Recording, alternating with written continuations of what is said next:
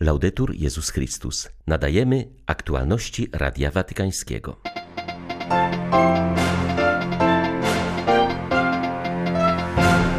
W naszej modlitwie nigdy nie jesteśmy sami. Są z nami święci, którzy modlą się z nami i za nas, mówił papież na audiencji ogólnej. Do obrony podstawowych praw człowieka zachęca Franciszek w intencji modlitewnej na kwiecie. Pandemia rozbudziła we Francuzach pragnienie życia duchowego, uważa prymas Gali. Ludzie zrozumieli, że życie to nie tylko konsumpcja, pukają do drzwi kościoła, szukają u nas nadziei, dodaje arcybiskup Olivier de Germain. 7 kwietnia witają Państwa ksiądz Krzysztof Ołdakowski i Krzysztof Bronk. Zapraszamy na serwis informacyjny. Wraz z otrzymaną wiarą został nam przekazany pewien sposób modlitwy oraz modlitwa jako taka. Te słowa papież skierował podczas dzisiejszej audiencji ogólnej. W katechezie Franciszek podjął temat związku między modlitwą a komunią świętych. Zwrócił uwagę, że nigdy nie modlimy się sami w pojedynkę, ale włączamy się w nurt modlitwy, który nas poprzedza i płynie ku wieczności. Za każdym razem, gdy składamy ręce i otwieramy serce przed Bogiem, znajdujemy się w gronie świętych, zarówno tych oficjalnie uznanych, jak i anonimowych.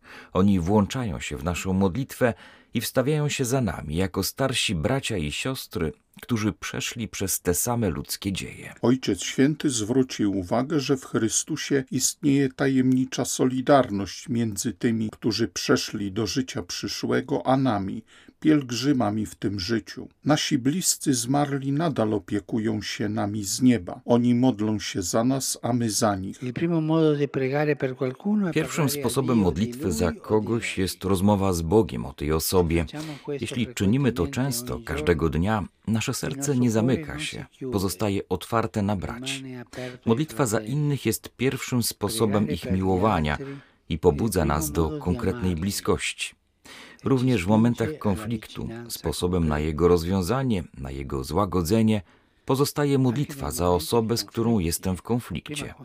Poprzez modlitwę coś się zmienia. Pierwszą rzeczą, która się zmienia, jest moje serce, moja postawa.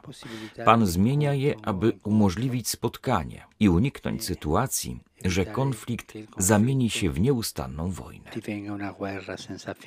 Ojciec Święty zauważył, że jeśli w naszym życiu mimo trudnych doświadczeń nadal ufnie idziemy naprzód, być może zawdzięczamy to nie tyle naszym zasługom, ile wstawiennictwu wielu świętych.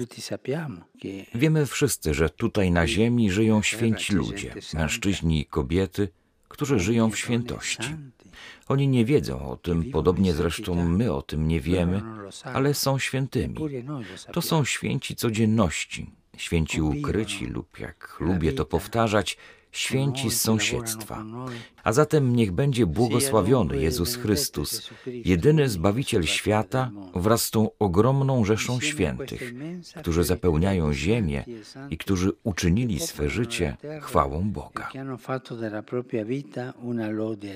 Papież zapewnił o modlitwie za ofiary powodzi, które w ubiegłych dniach dotknęły Indonezję oraz Timor Wschodni. Franciszek przypomniał także, że wczoraj obchodzony był wprowadzony z inicjatywy ONZ Międzynarodowy Dzień Sportu dla Rozwoju i Pokoju. Życzył, aby doświadczenie sportu stawało się wydarzeniem zespołowym, sprzyjającym dialogowi pomiędzy kulturami i narodami. Do Polaków Franciszek powiedział: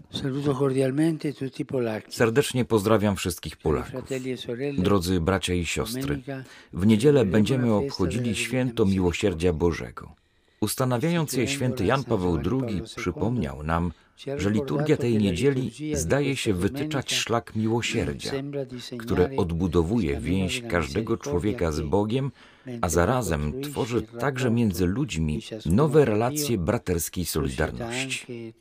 Chrystus nauczył nas, że człowiek nie tylko doświadcza i dostępuje miłosierdzia Boga samego, ale także jest powołany do tego, ażeby sam czynił miłosierdzie drugim. Błogosławieni miłosierni, albowiem oni miłosierdzia dostąpią.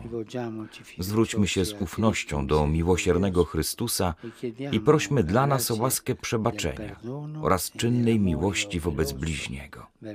Serca Wam błogosławię. Bóg daje się znaleźć tym, którzy szukają Go całym sercem, pisze papież Franciszek w przedmowie do najnowszej książki kardynała Raniero Cantalamessy kaznodzieja domu papieskiego poświęcił ją postaci brata Pacyfika z Czerano, włoskiego poety i kaznodziei, który spotkał Jezusa dzięki świętemu Franciszkowi z Asyżu. W przedmowie Ojciec Święty zwraca się głównie do młodych ludzi. Prowokacyjnie wychodzi od kazania na górze, w którym Jezus zapewnia: proście, a będzie wam dane, szukajcie, a znajdziecie. Papież zastanawia się, czy także dziś te obietnice należy brać na serio, gdyż często świat zdaje się im zaprzeczać. Przekonuje młodych, że Bóg zawsze daje się znaleźć tym, którzy szukają Go całym sercem.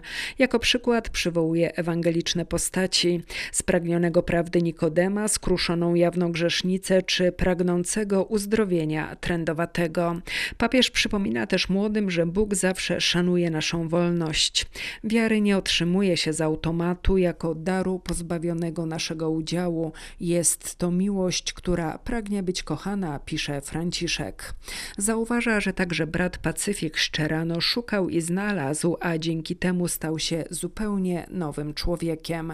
Bóg nie przestał wzywać, być może dziś bardziej niż kiedykolwiek wcześniej daje usłyszeć swój głos, pisze papież, przekonując młodzież, że jak tylko ściszy inne dźwięki, to usłyszy jego jasny i czysty głos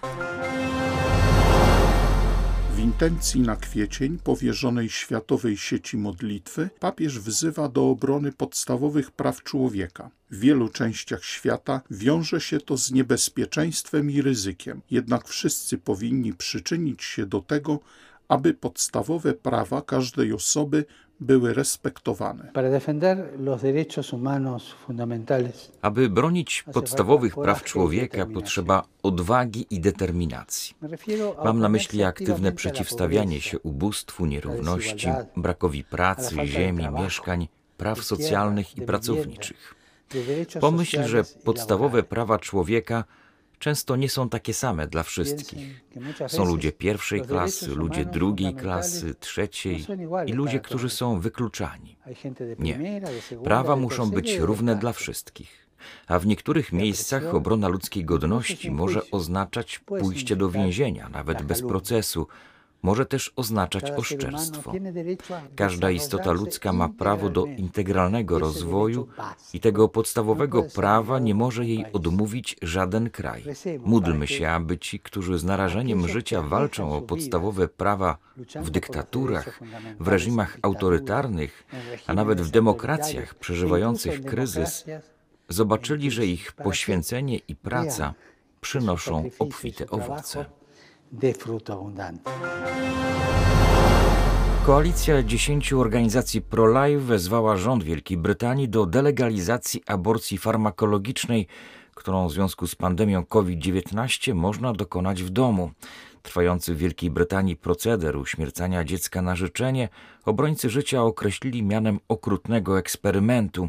Coraz głośniej, również przez środowiska medyczne, podnoszony jest problem napędzania spirali przemocy wobec kobiet zmuszanych do dokonania aborcji. Otrzymując pocztą bezpłatnie bardzo silne pigułki poronne można zabić dziecko do dziesiątego tygodnia jego życia, zaledwie po odbyciu rozmowy telefonicznej lub wideokonsultacji z lekarzem. Od marca ubiegłego roku w ten sposób przeprowadzono ponad 75 tysięcy aborcji w Anglii i Walii, a blisko 12 tysięcy kobiet trafiło do szpitala, gdzie wykryto u nich tak zwaną aborcję niekompletną. Tymczasowe prawo związane z kryzysem COVID-19 poddano konsultacjom społecznym, ale dopiero w obliczu propozycji trwałej legalizacji aborcji domowej. Wyniki tych konsultacji poznamy jeszcze w tym roku. Eksperci brytyjskiego ruchu pro-life alarmują parlamentarzystów, że powikłania wynikające z aborcji farmakologicznych w domu nie są należycie monitorowane. Wiele kobiet, zwłaszcza tych, które działają pod presją, nie zgłasza się po pomoc do ośrodka zdrowia ani nie informuje przychodni o swoim stanie. Ankieta NHS wykazała, że 87% lekarzy rodzinnych obawia się, że kobiety są narażone na niepożądane aborcje wynikające z przemocy domowej. Dla Radia Watykańskiego Elżbieta Sobolewska-Farbotko, Radio Bobola, Londyn. Świeckość to neutralność państwa w pluralistycznym społeczeństwie. Tymczasem forsowane dziś usuwanie religii z przestrzeni publicznej to nie świeckość, lecz promowanie ateizmu, ostrzega prymas Galli w wywiadzie dla radia Europe 1. Arcybiskup Olivier de Germain przyznał, że rozumie trudności rządu, który musi sobie poradzić z rozwojem radykalnych nurtów islamu we Francji. Tego problemu nie da się jednak rozwiązać poprzez ukrywanie religii, odsuwanie ich na bok. Arcybiskup Lyonu podkreślił, że ateizm jest wyborem, który trzeba uszanować, ale nie wolno narzucać go innym, a tym właśnie jest usuwanie religii z przestrzeni publicznej. Forsowana przez obecny rząd radykalna wersja laickości jest w istocie negowaniem prawdy o człowieku, odmawianiem mu prawa do wymiaru duchowego. Goszcząc na antenie radia Europe 1, prymas Gali zauważył, że obecny czas pandemii był dla wielu Francuzów czasem odkrycia życia duchowego, powrotem do podstawowych pytań, z którymi zwracają się do Kościoła. Te oczekiwania względem Kościoła są od nas niezależne. My ich nie rozbudzaliśmy. Te oczekiwania są po prostu w sercu człowieka. Dziś, w dobie kryzysu, który jest nie tylko kryzysem sanitarnym, pojawiło się silne pragnienie życia duchowego, które daje o sobie znać. Jesteśmy zdumieni, jak wielu ludzi zwraca się dzisiaj do Kościoła. Jest tym wielki paradoks, bo z jednej strony zostaliśmy zobowiązani do zredukowania naszych zgromadzeń, a z drugiej widzimy odrodzenie zainteresowania. Ludzie pukają do drzwi kościoła i przyznają, że ten kryzys pomógł im uświadomić sobie, że w życiu nie jest ważna tylko konsumpcja, to co materialne, ale że istnieje też coś innego, że istnieją sprawy bardziej istotne. W ten sposób również i my, jako Kościół, zdajemy sobie sprawę, że mamy w tym dzisiejszym świecie bardzo ważną misję. W wywiadzie dla Radia Europe 1 Prymas Gali odniósł się również do procesu oczyszczenia Kościoła po skandalach nadużyć. Podkreślił, że jest to przejaw odpowiedzialności za Kościół, którego nie należy mylić z uznaniem własnej moralnej odpowiedzialności za wydarzenia z przeszłości. Tysiące ludzi wyszło na ulice birmańskich miast w tak zwanym strajku wielkanocnych pisanek. Chrześcijanie, muzułmanie, hinduiści i buddyści maszerowali wspólnie, trzymając w rękach jajka z prodemokratycznymi hasłami. Domagali się przywrócenia demokracji i niespychania kraju wir kolejnej krwawej wojny domowej. W manifestacjach uczestniczą przede wszystkim młodzi ludzie, którzy domagają się zaprzestania przemocy wymierzonej w Birmańczyków. Wzywają też do natychmiastowego uwolnienia więźniów politycznych i rozpoczęcia dialogu. Te prodemokratyczne dążenia od początku popiera Kościół, a w protestach, tak jak ten ostatni w niedzielę wielkanocną, uczestniczą także siostry zakonne i księża. Arcybiskup Rangunu wezwał reżim wojskowy, który w puczu przejął władzę, by nie wciągał Birmy w kolejną wojnę domową. Nasz kraj jest biedny, zwykli ludzie muszą stawić czoła dwóm wielkim wyzwaniom covidowi i zamachowi stanu. Miliony ludzi potrzebują żywności, podkreślił arcybiskup Charles Bo, zachęcając do odrzucenia przemocy i wejścia na drogę dialogu. Swe wsparcie z Birmańczykami wyrazili też przedstawiciele kościołów tego regionu, m.in. Korei Południowej, Indonezji i Bangladeszu. Wezwali huntę wojskową, by zasiadła do stołu dialogu, przy którym zwycięży jedność narodowa i wygra dobro obywateli. Przypomniano, że Birmańczycy pragną jedynie powrotu demokracji i godnego życia. Były to aktualności Radia Watykańskiego. Laudetur Jezus Chrystus.